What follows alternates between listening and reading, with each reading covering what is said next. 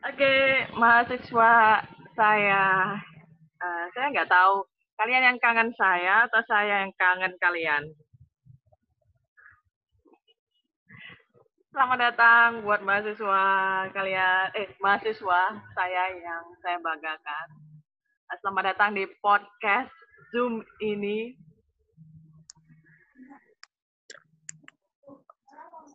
Yang hari ini kita akan bahas kita akan bincang-bincang tentang kebijakan Donald Trump sengketa dagang dengan Cina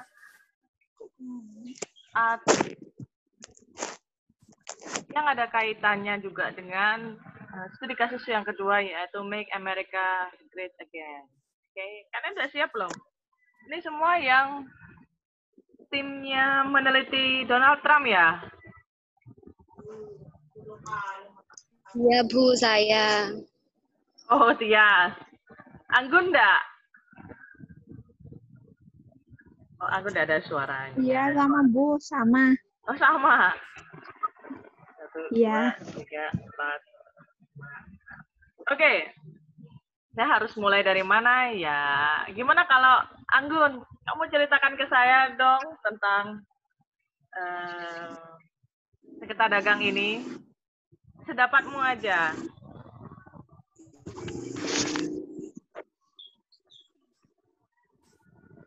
Uh, sepemah sepemahaman saya ya Bu, sengketa dagang Amerika Serikat dengan Cina ini dikarenakan Amerika Serikat merasa tersaingi oleh uh, kekuatan dari Cina.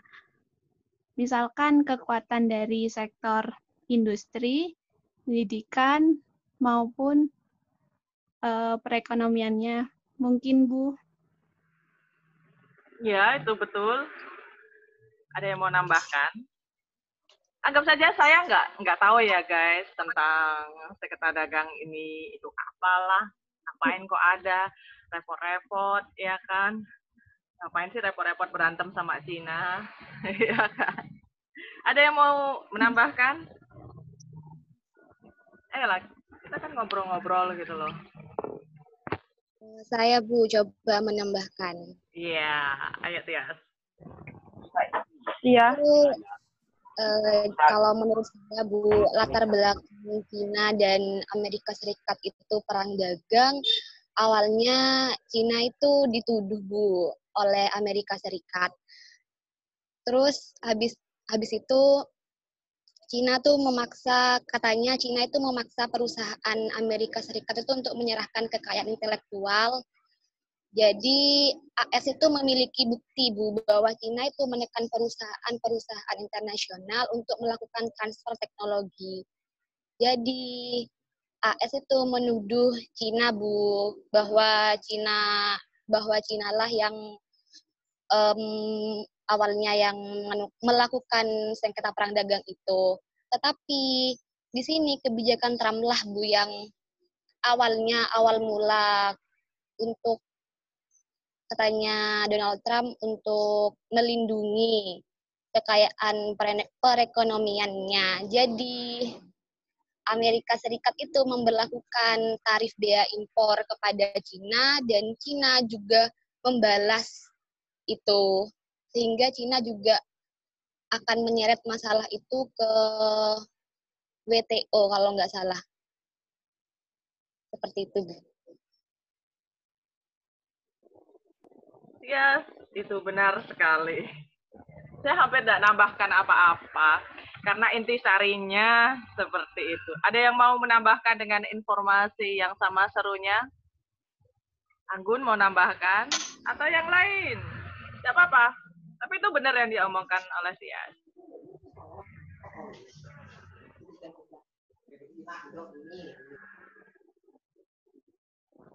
Mana Tias? Kok hilang? Oh ini. Yas. Iya, Bu. Kamu nemu informasi itu dari mana? Saya menemukan informasi ini dari jurnal, Bu. Oh. Dari jurnalnya Pusat Penelitian Badan Keahlian DPR RI. Keren banget. Dari situ toh? Banyak lagi, Bu. ya banyak ya. Enak kan Iya, kalau Bu. banyak datanya. Kurang lebih 20 referensi, Bu. Jadi saya agak bingung untuk coding ke Envivo itu, Bu. Risa di sini. Risa Aisyah. Nggak ada ya? Enggak ada dia. Ya tadi, ya itu Envivo nanti aja. Ada yang mau nambahkan? Atau bertanya?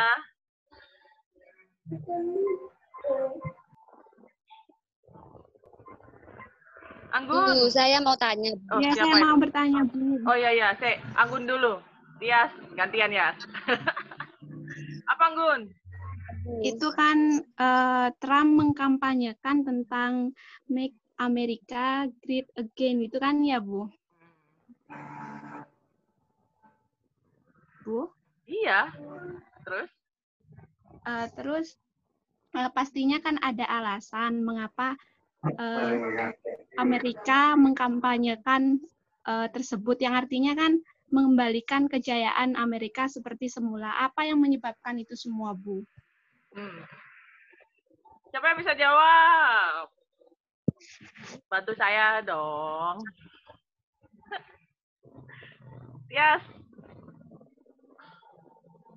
Iya, Bu. Saya Bisa mau jawab jawab coba Iya. menjawab pertanyaan Anggun. Gimana Eh, ya? awalnya kan Amerika itu kan kan mengkampanyekan pemilu 2016 kemarin tentang Amerika Serikat. Itu kan terjadi Iya, iya, iya. Si yang tahu bu, si yang tahu bulan ini saya mute dulu. Oh sudah sudah hilang. Oke, bentar. Dah, sudah dia. Silakan. Mana dia? terus eh, kepentingan Trump itu terkait sengketa dagang itu teringat eh, saat kampanye Presiden itu Bu. Jadi eh, dia ingin melindungi eh, buruh buruhnya dan juga orang berkulit putih kalau tidak salah. Sehingga dia itu memiliki kepentingan tersendiri dan sengketa perang dagang tersebut Bu, kalau tidak salah. Ya, Anu, Bu. Abang Gun. Eh, yang saya tanyakan eh, apa yang menyebabkan melemahnya dari Amerika Serikat itu, Bu? Ya, ya. Jadi ini peristiwanya dapat dijelaskan dari sisi ekonomi, politik, militer. Ya, saya jawab dari sisi ekonomi dulu. Ini perjalanannya agak panjang, mulai tahun 1974 ketika Amerika Serikat membuka pasar yang memungkinkan Jepang bisa memasarkan berbagai produk yang ia produksi dari Jepang dan mengekspornya ke Amerika Serikat. Dan salah satu eh, produk yang cukup fenomenal diekspor adalah mobil. Mobilnya Jepang itu lebih terjangkau dan untuk harga segitu itu sudah memiliki fasilitas dan fitur yang komplit. Sehingga produksi otomotif yang diekspor ke Amerika Serikat ini juga apa besar yang diekspor oleh eh produksi otomotif yang diekspor oleh Jepang ini sangat besar eh, dan punya pasar yang cukup strategis di Amerika Serikat. Bu Reni, saya mau Ya. tanya. Apa itu? Anggun. Wilda, Bu Oh, Wilda. Wilda. Saya, Will, tunggu dulu. Saya mau jawab pertanyaan Anggun ya. Catat dulu Oh iya Bu, pertanyaan. ya Bu. Jadi ini yang di Jepang, terus kemudian mulai mulai semakin lama kekuatan ekonomi Jepang ini semakin kuat. Hal yang sama juga terjadi di Amerika, eh di Cina. Cina mulai membuka diri pada masa pemerintahan Deng Xiaoping. Deng Xiaoping ini dia untuk pertama kalinya membuka untuk pertama kalinya membuka ek, membuat ekonomi Cina itu terbuka pada tahun 1980.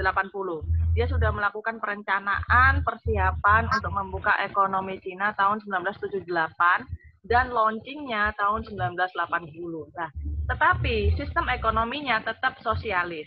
Tapi ketika dia bekerja sama dengan negara lain, bagaimana dia mengelola ekonomi? Dia menggunakan prinsip ekonomi neoliberalis. Nah, kemudian eh, China memanfaatkan keunggulan komparatif dia, yakni terutama di sektor buruh, dengan sangat baik dan maksimal.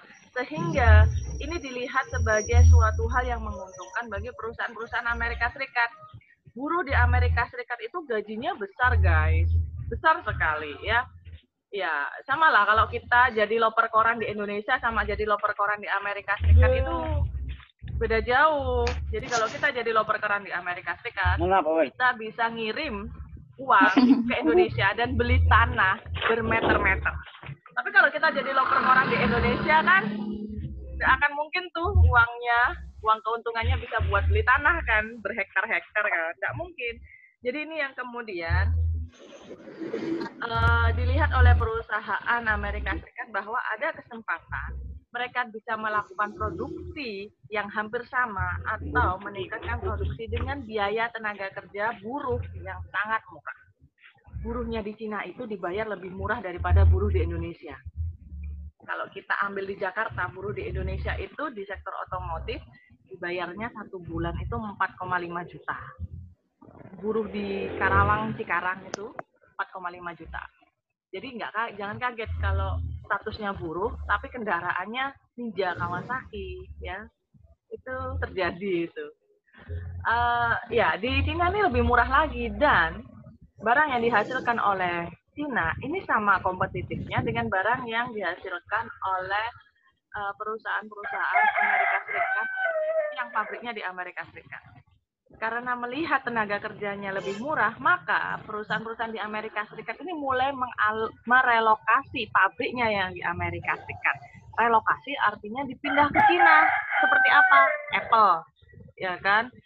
Uh, Apple itu menggunakan pabriknya Foxconn, terus Samsung, terus meskipun Samsung miliknya Korea Selatan, tapi pusat riset dan teknologi Amerika Serikat terus Harley Davidson. Terus pokoknya banyak lah banyak. Kenapa perusahaan memutuskan memutuskan membuat keputusan perusahaan yang seperti itu? Pertama tentu saja karena profit. Yang kedua ini bisa dipahami melalui ilmu disiplin ilmu global value chain sama global production chain. Global production chain itu artinya gini. Saya misalnya kalau membuat komputer, saya adalah penemunya, kemudian saya merancang komputer yang lebih keren daripada Apple, saya tidak membuatnya di Indonesia, tapi saya membuatnya berdasar di negara yang memiliki keunggulan komparatif. Misalnya, tenaga kerja murah saya kerjakan di Cina untuk uh, semikonduktor A. Kemudian untuk prosesornya saya saya, saya subkontrakkan, subkontrakkan itu seperti mengalihkan pekerjaan ke Taiwan atau mungkin motherboardnya saya impor dari Vietnam atau Korea Selatan atau bahkan dari India dan kemudian itu diri misalnya di assembly dirakit di Cina dan Cina yang mengirimkan ke Indonesia gitu. Itu global production chain. Ada lagi global value chain. Jadi tergantung rantai nilai sama rantai produksi. Itu yang menjadi salah satu putusan bagi perusahaan untuk bisa beradaptasi di tengah kompetisi yang semakin ketat dan mengakibatkan banyak perusahaan di Amerika Serikat ini mulai meninggalkan Amerika Serikat yang jadi hostnya. Nah, siapa yang ngomong itu? ya, uh, ya ini yang kemudian menimbulkan kerugian di Amerika Serikat. Bayangkan kalau itu terjadi di Indonesia ya perusahaan-perusahaan strategis di Indonesia ini malah tidak melakukan produksi di Indonesia, tapi melakukan produksi di Vietnam, melakukan produksi di Myanmar, melakukan produksi di Malaysia. Terus orang Indonesia kerja di mana? Inilah yang kemudian dikemas oleh Donald Trump yang disimpulkan bahwa perekonomian yang dijalankan saat ini di mana Amerika Serikat menjadi bagiannya Rek. Aduh, aduh, aduh. Ya Allah, rame. yang di mana Amerika Serikat menjadi bagian dari sistem ekonomi, Donald Trump melihatnya ini sesuatu yang terlalu merugikan Amerika Serikat. Dan dia ingin mengembalikan kejayaan Amerika Serikat seperti dulu lagi, yang kekuatan ekonominya bagus, yang ya yang seperti itulah. Oleh karena itu, ini kemudian dikampanyekan untuk mendapatkan suara dari orang-orang yang kecewa terhadap globalisasi dan terhadap neolib neoliberal eh liberalisme ekonomi besar-besaran dan globalisasi ekonomi besar-besaran. Jadi tiga hal itu yang bisa menjelaskan kenapa kemudian muncul kampanye make eh make America great again. Globalisasi ekonomi.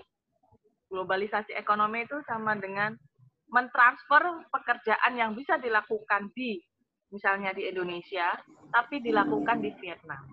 Akhirnya lapangan pekerjaan di Indonesia semakin sedikit dan menambah lapangan pekerjaan di Vietnam. Itu namanya globalisasi ekonomi. Yang ngomong kalau nggak salah Stiglitz ya. Terus ada lagi yang global production chain sama global value chain. Itu yang melatar belakangi kenapa perusahaan mengambil putusan untuk merelokasi produksinya. Dan satunya adalah globalisasi yang melahirkan ide bahwa jika ada suatu tempat di mana produksi bisa dilakukan lebih murah, maka tempat itu yang dituju. Gitu. Mana Anggun? Gitu Anggun. Iya, iya. Eh, Berarti Iya, pengaruhnya paham. besar Bu ya buat dunia Bu ya. ya, sangat besar dan sangat luas dan sangat seru. Ada lagi Anggun? Sudah, Bu. Sudah. Gitu dong. Yang lain Ya, katanya yang mau lain. bertanya, Bu. Siapa yang mana? Wilda, mana Wilda? Alda terakhir aja, Diri. mana Ini Wilda? Iya, maka itu terakhir aja dulu. Mana Wilda? Mbak Wil, Mbak Wilda. Oh ini nih nih nih. Saya Bu. Ya, ayo Wilda. Bu. Gantian, ya. Saya saya mau bertanya ya. Saya baru mengikuti entah itu sudah di sudah ditanya atau belum saya mau bertanya. Ini kan Donald Trump kan berpendapat bahwa perdagangan perdagangan Amerika dengan Jep- Jepang adalah tidak adil. Itu kenapa Bu? Sedangkan defisit es dan impornya antara Amerika dan Jepang sangat tinggi. Defisit Amerika dengan Jepang. Iya, itu sangat tinggi. Jepang atau Tapi Cina? kenapa Trump berpendapat bahwa per- Oh, dengan Jepang? kenapa Cina disalahkan gitu ya? Iya, Kan padahal defisitnya sangat besar. Tias mau jawab atau Alda yang jawab? Bentar Bu, nggak nyambung masih. Belum panas Alda. Tias mau Iya jawab? masih belum panas. Baru nyambung ini. Jepang itu kan sekutu dari Cina, Bu. Karena itu juga kan Tidak, tidak, tidak, tidak, tidak. Itu tidak pernah terjadi. Jepang Oh, tidak bukan pernah ya, bersekutu dengan tapi di jurnal itu Bu, ya. Jepang itu Korea juga sekutu dari Cina, Bu. Enggak, enggak bener itu. Bu, enggak beda. Enggak, itu enggak bener itu. Secara Iya, historis lagi, Bu. itu tidak akan pernah terjadi. Secara historis. Karena Cina, Korea Selatan sama Jepang saling mendendam satu sama lain. Kenapa mendendam? Itu tidak eh itu ada hubungannya dengan Perang Dunia II yang Cina diduduki oleh Jepang sehingga semenanjung Korea lepas dari Cina. Semenanjung Korea itu adalah dinasti Manchu, salah satu dinasti yang pernah menguasai seluruh daratan Cina. Dan dia kayaknya dia dinasti terakhir deh. Eh, dan karena kependudukan Jepang itu Korea pisah menjadi Korea Utara dan Korea Selatan dan sampai sekarang masih bermusuhan. Jadi karena latar belakang historis tersebut mereka tidak pernah bersekutu. Buktinya, tidak pernah ada organisasi Asia Timur kan? Adanya kan Asia Selat, Selatan, Asia Tenggara, ya kan? Iya, Bu. Nggak ada. Jadi kalau disebut sekutu mereka tidak akan setuju, tapi mereka tetap menjalin kerjasama ekonomi. Jadi gini loh ya, Alda bisa jadi nggak suka sama saya, saya nggak suka sama Tias. Tapi kita, Hmm. ya misalnya kalian dosen ya, tapi kita tetap bercakap-cakap. Kalau penelitian kita masih saling bantu gitu. Jadi nggak baper intinya. Cina, Jepang, sama Korea Selatan itu boleh Seperti itu. Iya, tidak suka. Tapi mereka masih kerjasama. Mereka nggak baper. Tapi kalau diingatkan lagi masalahnya, baru mereka baper. Jadi kayak, oh saya nggak suka Bu Reni karena kayak gini. Oh saya juga nggak suka kacamata sama Alda karena gini. Baru baper. Tapi kalau nggak ingat, ya udah kita ketemu Bu Reni. Ya Alda. Alda, ya Berarti Bu jangan sampai ada yang ngompor-ngompori ya, Bu. Ya. Tapi komporan itu pasti akan terjadi seasonal, musiman, terutama pada masa perayaan apa gitu yang yang nih para para prostitusi Korea Selatan itu kemudian dikumpulkan, kemudian mengingat kembali betapa kejamnya pendudukan Jepang gitu kan. Selama pendudukan Jepang kan wanita-wanitanya kan dijadikan prostitusi perang, dikirim ke sana, dikirim ke sana gitu untuk melayani eh, ya Jepangnya gitu. Iya. Bentar Firman, belum selesai. Eh, jadi Wilda, eh, iya Iya, Bu. Hal yang sama in- yang terjadi pada Cina saat ini itu pernah terjadi dulu pada tahun 87-an antara Korea Selatan, Jepang, dan Amerika Serikat. Cuman Amerika eh cuman ketika Amerika Serikat bilang, "Eh kamu itu dagang sama saya, kamu banyak untungnya, lakukan sesuatu lah agar perdagangannya itu adil." Jepang dan Korea Selatan ini nurut dan mereka mengikuti apa pun instruksi yang dilakukan oleh Amerika Serikat. Cina kan enggak. Nah ini yang jadi masalah. Sebenarnya Oh, defisit begitu. perdagangannya antara Amerika Serikat dan Jepang, Jepang itu ada posisi kedua kalau nggak ketiga, nomor satu itu Cina. Cuman Cina, Cina nih, Cina memang dari dulu secara setelah perang dun- perang dingin itu selalu lebih dekat ke Rusia secara politik daripada ke Amerika Serikat. Gini lah, kalau kalian lebih dekat ke saya ya secara politik, kedekatan pribadi. Kalau kalian ada masalah kan pasti kalian datangnya ke saya, ya kan? Tapi kalau nggak ada iya, kedekatan, kalau nggak ada kedekatan kalian mau datang ke siapa pun tidak akan jadi masalah. Tapi pada pada masa perang dingin itu, ketika Cina ada persoalan, ada kesulitan, yang nolong dulu itu Rusia. Amerika Serikat enggak. Sehingga ketika ekonominya Cina itu booming, Amerika Serikat udah memberi sinyal, kamu jangan nyaingi saya lah, gitu lah. Biarkan saya ini besar. Salah satu ngomong, eh, salah satu indikasinya ngomong, lah buatlah perdagangan itu yang adil. Jangan kamu untung saja terus sementara menyerap seluruh sumber daya yang saya miliki, gitu. Cina kayak, ya ini perdagangan terjadi secara otomatis, secara invisible hand. Saya tidak membuat-buat seolah saya untung, ini terjadi otomatis, saya tidak perlu melakukan apa pun untuk membuat saya untung, ini terjadi otomatis. Itu adalah argumennya Cina. Dan Amerika Serikat bilang kayak, kamu kayak pinter omong deh Cina, padahal kamu itu sengaja melakukan sesuatu agar kamu itu surplus, sedangkan saya defisit. Jadi ya itu. Dan benar yang disampaikan oleh Tias, Amerika Serikat ini menghadirkan bukti-bukti. Dan buktinya ini tidak main-main. Sehingga ketika Amerika Serikat tidak bisa menyerang Cina agar tunduk pada ketentuannya, Amerika Serikat akhirnya membuat agar perusahaan Cina yang cukup berperan dalam bidang-bidang tertentu, intinya itu leading industrinya, in- leading industrinya itu kemudian diadili di Amerika Serikat dan mereka yang dikenai eh, tarif tinggi. Ini yang dimaksud Tias tadi. Itu, itu adalah salah satu cara kayak kamu kalau mau berdagang misalnya di rumahnya Bu Reni, kamu harus ikut aturannya Bu Reni. Kalau kamu mau ikut aturan internasional di tempat saya ya, saya rugi, saya nggak mau dagang sama kamu. Apakah ini berhasil? Iya berhasil satu atau dua, tapi Cina juga melakukan hal yang sama pada perusahaan-perusahaan yang pabrik besarnya di Cina, tuh ya.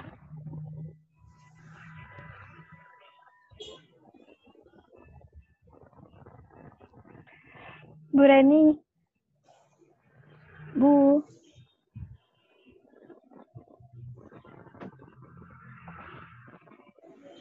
Jadi begitu Wilda. Saya punya waktu 10 menit. Tak buat Alda tak buat jadi host. Nanti Alda jadikan saya host balik ya. Bisa Al? Maks maksudnya gimana, Bu? Saya jadi Biar- host, terus Ya, nanti kalau saya masuk, kamu jadikan saya host lagi. Gimana cara cari caranya ya? ya? Iya, gitu Bu. Wilda.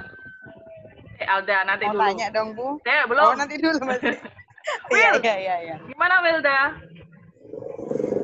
Iya, Bu. Ya, Jelas. Iya, berarti kan itu ya, Bu, ya, yang membuat ya jelas-jelas. Tapi saya mau bertanya, berarti eh, itu ya, Bu, yang membuat Donald Trump selalu mengeluh tentang kebijakan-kebijakan perdagangan di Amerika Serikat. Hmm. Hmm. Pokoknya si Donald Trump tuh nyari-nyari salahnya Cina sih. Ya, Cina sih punya salah. Tapi ya Donald Trump itu nyari-nyari kesalahan Cina. Kalau Indonesia, eh, enggak, enggak boleh ngomong Indonesia, soalnya nanti dirilis, di YouTube ya. Kalau kita ngerasani Iya, Bu. Donald Trump kan, kita nggak bersama-sama masuk penjara Guantanamo ya. Iya, Bu.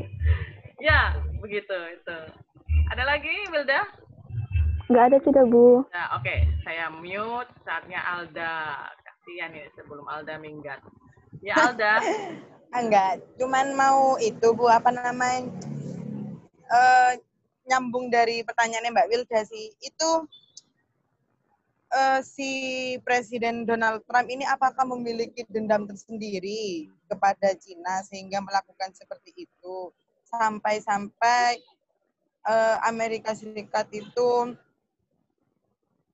memberikan hukuman kepada Cina karena Sanksi, Donald. Trump bahasanya itu sanksi, jadi hukum.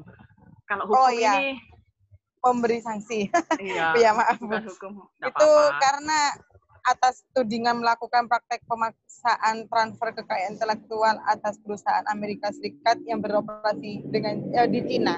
Itu apa emang ada dendam tersendiri atau bagaimana Bu sehingga Amerika Serikat eh, Presiden Donald Trump itu memberikan sanksi kepada Cina dengan tudingan melakukan praktek itu, Bu. Eh, nggak ada dendam sih, nggak ada dendam pribadi. Eh, ini hanya ya? semata-mata ingin mendapatkan suara pada masa pemilihan umum dan mendapatkan suara-suara Ya, yang orang-orang kecewa dengan situasi ekonomi saat ini Ah, yang ah. seolah pekerjaan semakin sulit, ya kan?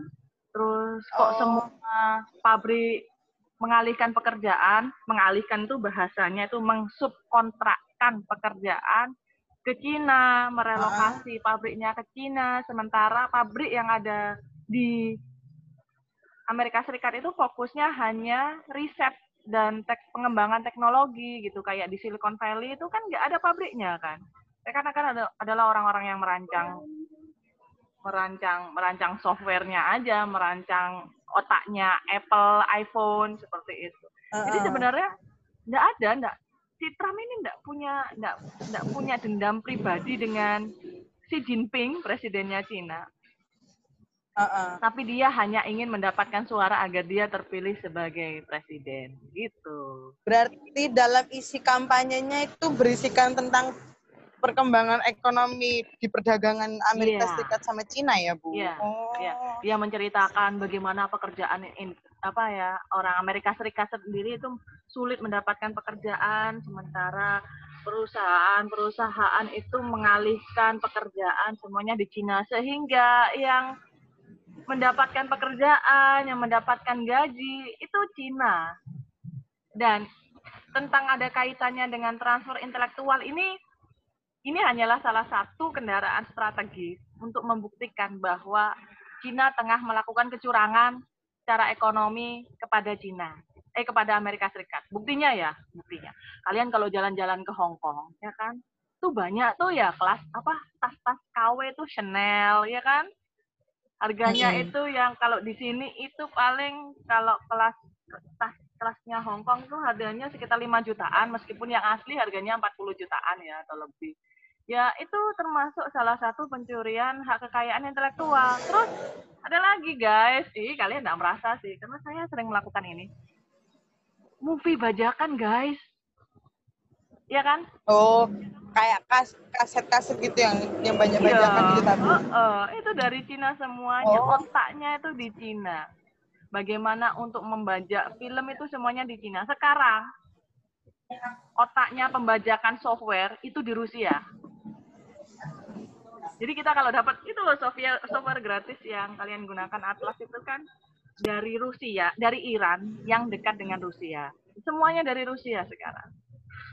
Dan kalau kalian mau mendapatkan jurnal yang jurnal bahasa Inggris yang misalnya tentang topik-topik hubungan internasional itu per jurnal harganya tuh 700 dolar. Nggak mungkin kan kita beli.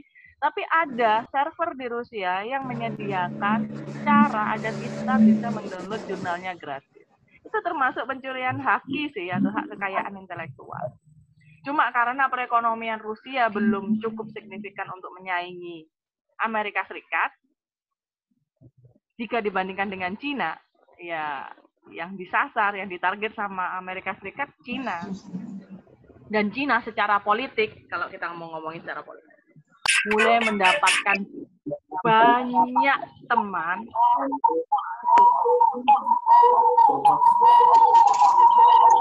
Aduh, guru nih, guru nih berisik ini backing soundnya guru. Ya, Cina mulai mendapatkan teman atau sekawan ketika perekonomiannya memuncak seperti sekarang ya. Siapa? Indonesia, siapa lagi? Filipina, Korea Utara.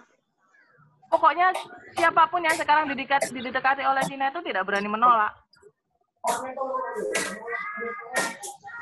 Bu, Ya, Bu, Reni, yes.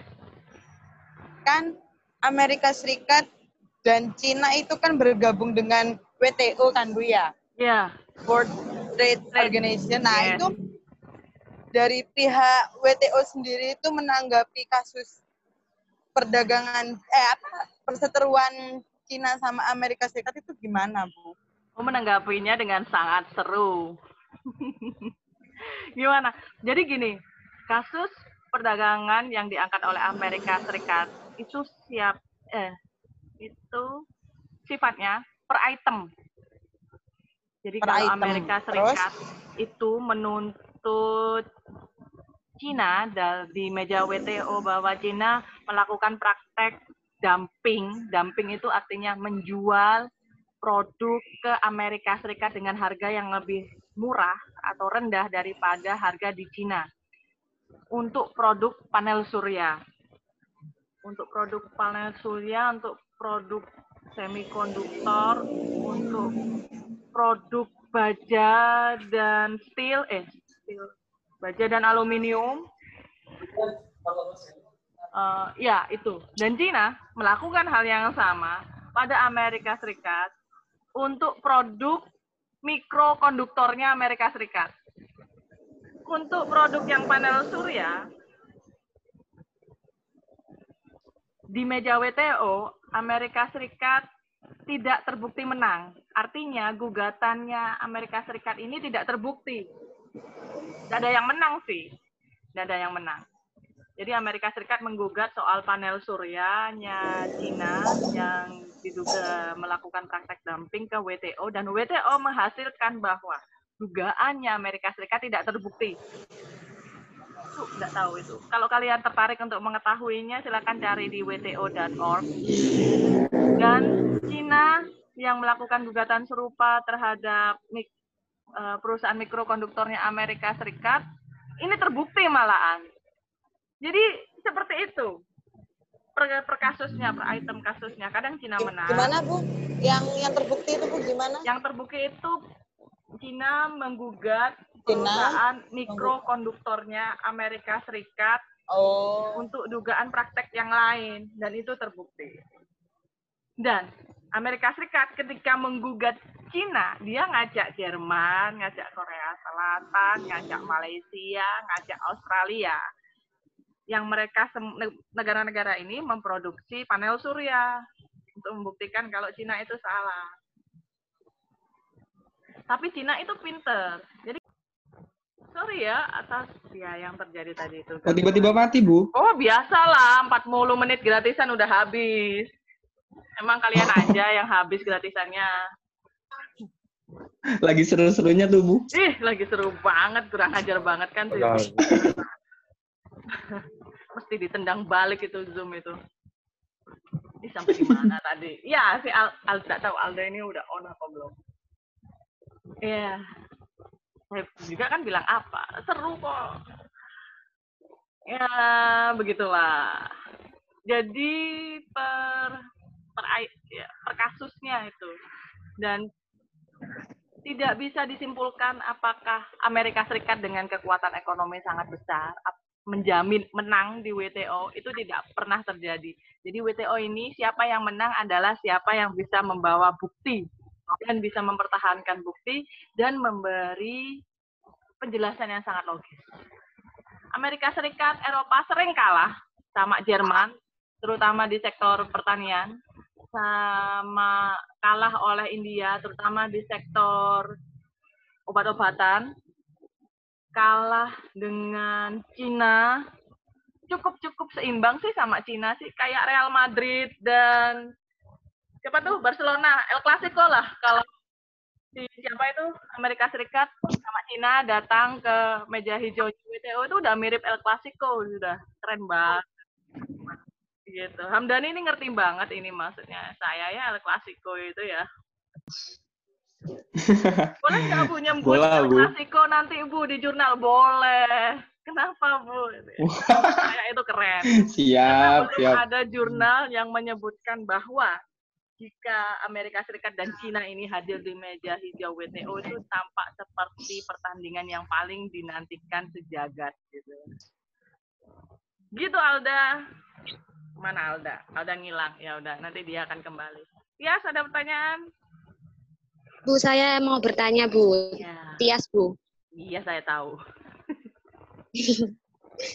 Bu, kan saya mau membahas kemarin itu yang di Google Classroom yang Sohibul tanya itu, Bu. Mengapa Oh. Cina kok tidak membalas kebijakan biaya impor yang sama tingginya kepada Amerika Serikat?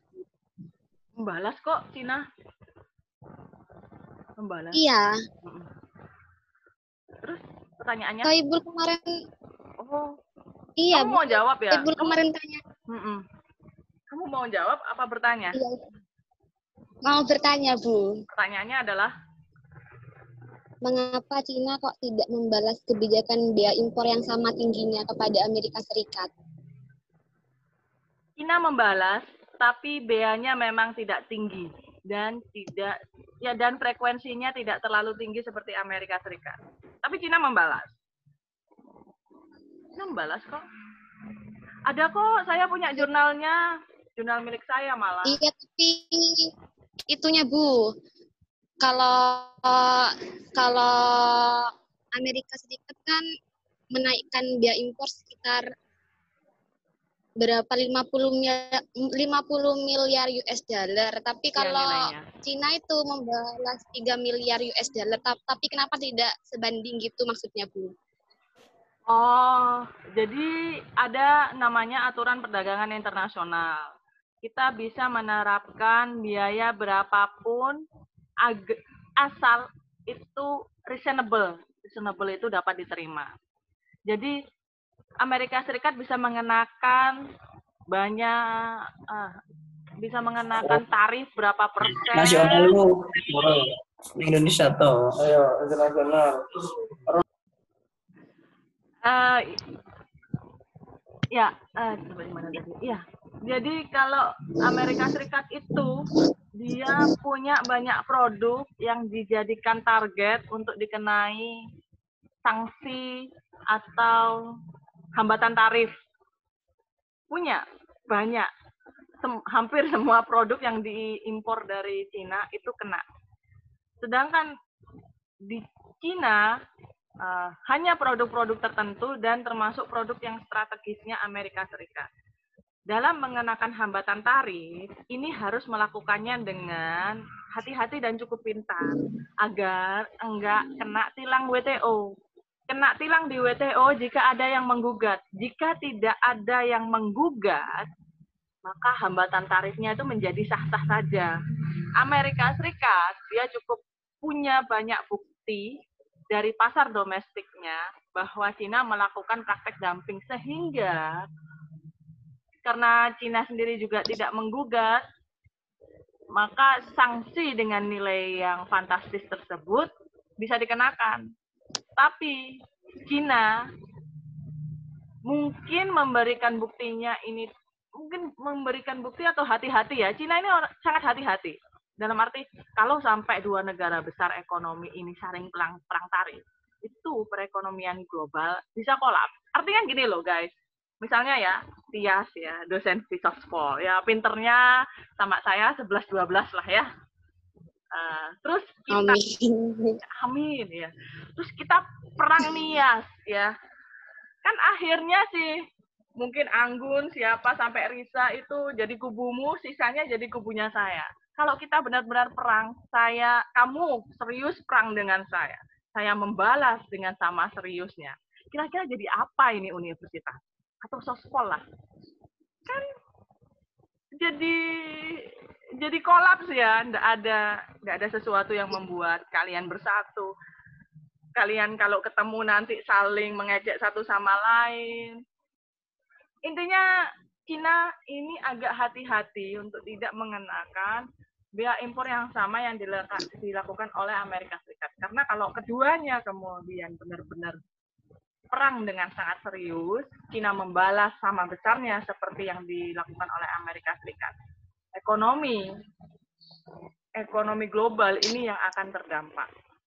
Makanya ketika Amerika Serikat ini mulai merilis perang dagang, itu kan Eropa kayak, kok Niki, diem dulu lah, diem, nggak harus seperti ini, gitu kan. Jangan main radikal lah, radikal itu, radikal itu kayak, misalnya Tias nggak suka sama saya itu terang-terangan gitu ya, itu radikal. Atau saya nggak suka sama Tias langsung terang-terangan gitu ya tiba-tiba pokoknya pokok, pokoknya berantem lah ya. Ini yang rugi rugi besar ini seluruh negara di dunia padahal yang perang kan dua gajah gitu kan. Satunya naga satunya apa? Satunya elang. Naga kan Cina ya elang kan Amerika Serikat. Jangan kan jangan sampai hal itu terjadi. Jangankan yang sekarang, ketika Cina tidak terlalu membalas apa yang terjadi, Pak, apa yang dilakukan oleh Amerika Serikat, pertumbuhan ekonomi global ini sudah mulai melambat. Tetapi tetap ada yang diuntungkan. Meskipun banyak yang dirugikan. Gitu, Tia. Itu adalah dua Iya, Bu. alasan yang paling bisa saya jelaskan kenapa Cina tidak membalas yang sama dan kalau menurut saya pribadi, eh, Cina ini mainnya kalau kalau dia tidak suka sama Amerika Serikat, mainnya ini lebih strategis, lebih cantik daripada Donald Trump. Kalau Donald Trump itu kayak Iya. memberangus, apa-apa ditabrak ya, apa-apa dibabati gitu. Kayak Donald Trump ini tidak suka tidak suka jika ada misalnya rumput di halamannya, lalu dia membunuh semua tanaman yang ada di halamannya. Itu Donald Trump. Dia tidak peduli siapa yang nanti akan terdampak. Mirip siapa ya? Iya karena itu juga kan anu ya Bu ya presiden yang kontroversial. Iya, banget. Markel itu nggak suka sama Donald Trump. Cuma yang paling sering membalas ucapannya Donald Trump dengan sangat elegan itu Emmanuel Macron. Tapi yang membalas ucapan Donald Trump dengan berani itu Erdogan. Kalau saya masih belum berani sih, meskipun saya tidak mungkin di penjara sama Donald Trump. Iya gitu. Gitu. Ada lagi Tias? Bu, Hmm. perang dagang antara Amerika dan Cina ini kan sudah berlangsung sangat lama ya, Bu. Maksudnya bukan baru-baru ini. Bukan, bukan. Jadi hubungan dagang Amerika Serikat dan Cina ini kan sudah berlangsung sejak lama ya, Bu ya. Mm-mm.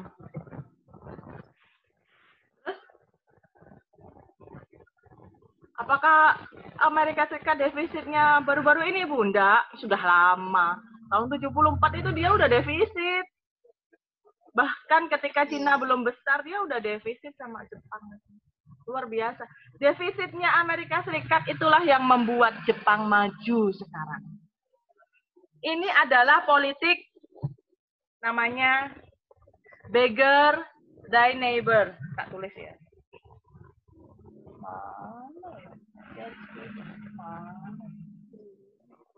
Oh ini what? Namanya politiknya itu nggak enak nih soalnya kalau nggak kalian pasti nggak ngerti. Beggar thy neighbor. Nah, ya ini buat kita kaya dengan membuat miskin tetangga kita. Intinya ini. Kelihatan ya? Iya, Bu, kelihatan. Ya, kelihatan ya. Beggar, beggar thy neighbor. Buat kita itu akan menjadi semakin kaya jika tetangga kita itu semakin miskin. Apalagi jika kita membuat miskin tetangga kita.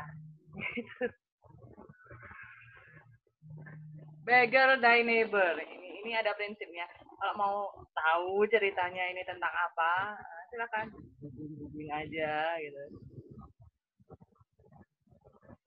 Itu namanya. Jadi sudah defisit dari dulu, sudah lama dan Jepang dan Korea Selatan menjadi kaya seperti sekarang karena membuat miskin atau mencuri kemajuan dan uang dari Amerika Serikat. Dan ketika itu terjadi pada saat itu Amerika Serikat sebenarnya menyadari cuma tidak ada yang benar-benar membuatnya menjadi publik seperti yang dilakukan oleh Donald Trump saat ini.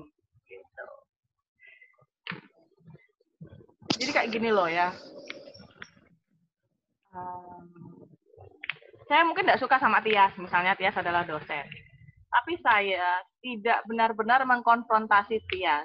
Saya melakukan sesuatu yang dapat memengaruhi Tias, tapi tidak benar-benar menunjukkan kalau saya tidak suka dengan Tias. Itu itu yang dilakukan oleh presiden dulu sebelum Donald Trump.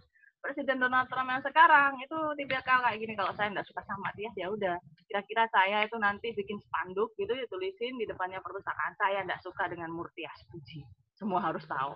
Itu yang dilakukan Donald Trump. Gitu. Jadi tergantung sih karakter presidennya. Kalau karakter presidennya seperti Barack Obama dia tahu apa yang terjadi dia tahu apa yang mesti diperbaiki tapi dia tidak membuat musuh baru kalau Donald Trump kan enggak. Ini karena dia pebisnis. Orang itu harus tahu apa yang harus saya lakukan. Kalau pebisnis kan kayak gitu. Kalau diplomat sama negarawan enggak. Kalau saya enggak suka sama seseorang ya orang itu tidak perlu tahu. Tapi kalau orang itu tahu, ya enggak apa-apa, enggak masalah. Tapi orang itu enggak perlu tahu. Tapi kalau dia tahu ya enggak masalah. Itu diplomat. Ada pertanyaan selain Tias? Saya boleh tanya lagi nggak? Bu? Boleh, kalau nggak ada yang tanya. Anggun? Mana Anggun? Saya jawab. Tias, ada tanggapan ya? Cukup masih, Bu. Cukup ya. Ya teruskan ya, itu asik kok ya. Trump itu mudah sekali, datanya juga banyak.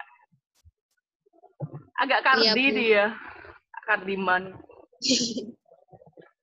ya, Bu, benar. Ya. Tidak cocok jadi presiden, tapi sudah jadi presiden, Bu. Iya, tapi tidak cocok jadi presiden. Dia bukan negarawan. Eh, ada pertanyaan. Anggun? Indri? Indri, nggak ada guys, nggak ada, nggak ada, beneran nggak ada. Siapa tadi Hamdani? Mana Hamdani? Wah, Alda mana ini? Alda. Windy, ada pertanyaan? Ya. Oh ini Siti Aisyah. Oh bukan tadi. Oh ini Risa. Nggak ada pertanyaan? Tias nggak ada? Sudah. Cukup masih Bu. Nanti kalau ada pertanyaan lagi, terlintas pertanyaan ketika kalian sedang cuci piring ya, sedang tiduran di masih kasur, belum terlintas. ya, sedang nyapu-nyapu di rumah, sedang ngerjakan tugasnya dosen lain gitu. Langsung chat saya aja ya. Saya lebih suka di Telegram sih. Bu, saya udah Iya. punya Telegram, memorinya habis ya udah di WA, nggak apa-apa. Indri, mana Indri? Ada suara Indri. Indri, Ada Bu. mana? Oh, nggak ada pertanyaan kamu Indri? Enggak ada ada Bu. Ini Oh, Indri. Bu bingung. Bingung apa? Envivo itu. Oh, ya ya ya ya ya ya ya. ya. Kita, lihat aja nanti ya. Tidak ada guys, tidak ada. Apakah sudah jelas? Coding Insya kali nggak ada ya. Kalian kalau bingung sama Envivo, ya bilang aja di semoga waktunya juga bertepatan dengan waktu longgar saya. Sehingga saya langsung bisa buka Think Viewer gitu. enak. Tadi punya Eri oh dia punya Risa tadi yang saya benerin. Yang Risa benerin bukan saya. Eh, ada nih. Saya tutup ya. Iya Bu. Udah deh. Baiklah, mahasiswa yang cantik-cantik dan ganteng-ganteng. Terima kasih sudah hadir pada Zoom kita yang singkat ini. Dan tadi seru-serunya tiba-tiba kepedot sama Zoom-nya. Nggak keren sama sekali. Eh, terima kasih sudah datang, meluangkan waktu, sekaligus melepas kangen, ya kan? Saya tahu beberapa dari kalian pasti kangen sama saya. Eh, kalau ada yang belum jelas dari apa yang saya sampaikan hari ini, silakan tanya saja di Telegram, di Google. Boleh membuka pertanyaan, boleh. Saya senang sekali ya. Itu akan mengurangi pekerjaan saya beneran ini jujur. Dan eh, saya akhiri kuliah hari ini. Sampai jumpa. Tetap stay di rumah. Ke mana-mana harus pakai masker. Kalau perlu, nggak usah ke mana-mana. Dan kalau kalian kerja kelompok, ngumpul saja di WA ya, nggak usah ngumpul fisik lah ya, saya kasihan gitu kan. Eh, Nah, ya itu Bu, saya mau tanya kelompok. apa? Bu, Apa ya? itu kan kelompok saya kan di Keraksaan sekarang, Bu, tidak di kos. Nah, kelompok anggota kelompok saya itu jauh, Bu, ada di Probolinggo. Terus itu nggak apa-apa kan, Bu, ya? Mereka mengerjakan pakai Word biasa, manual gitu kan, Bu, ya? Nanti pemikiran mereka saya nulis gitu, Bu, ya? Iya nggak apa-apa. Enggak, Bu, soalnya kemarin Mbak Wilda bilang coba collab aja di OneDrive gitu, Bu. Tapi Oh, saya iya. bilang, loh saya sudah ada ngandelin Mbak desktop di di laptop gitu saya, Bu. Iya nggak apa-apa. Metode kalian mau mengerjakan seperti apa pun dari jarak jauh itu lebih saya sukai daripada kalian kumpul-kumpul ya. Itu saya kasihan ya. Kasihan itu loh sama kalian. Jadi ya gunakan metode yang paling nyaman buat kalian dan bisa berfungsi untuk koordinasi dengan teman-teman kalian. Metode tiap kelompok bisa sangat berbeda. Jika ada teman yang menyarankan itu karena dia sayang. Jadi Wilda sayang dengan Tia, ya. Iya, Bu. Tapi jangan foto bareng, nanti ada yang jealous. Satu kosan sama Mbak Wilda, Bu. Walah, pantas. Ya, gitu. Bisa taruh di OneDrive, bisa di di mana pun, terserah kalian. Alda baru aja gabung itu. Ya, Bu, siap. Ya udah. Baik, terima kasih. Eh, kita akan bertemu lagi pada studi kasus berikutnya. Kita akan ngobrol-ngobrol kayak gini ya, mirip-mirip podcast gitu. Cuma saya belum punya waktu untuk mengunggahnya di podcast. Sampai jumpa mahasiswa saya yang cantik-cantik. Semoga tugas kalian selesai semua tepat waktu. Dadah, assalamualaikum warahmatullahi Amin. wabarakatuh. Amin.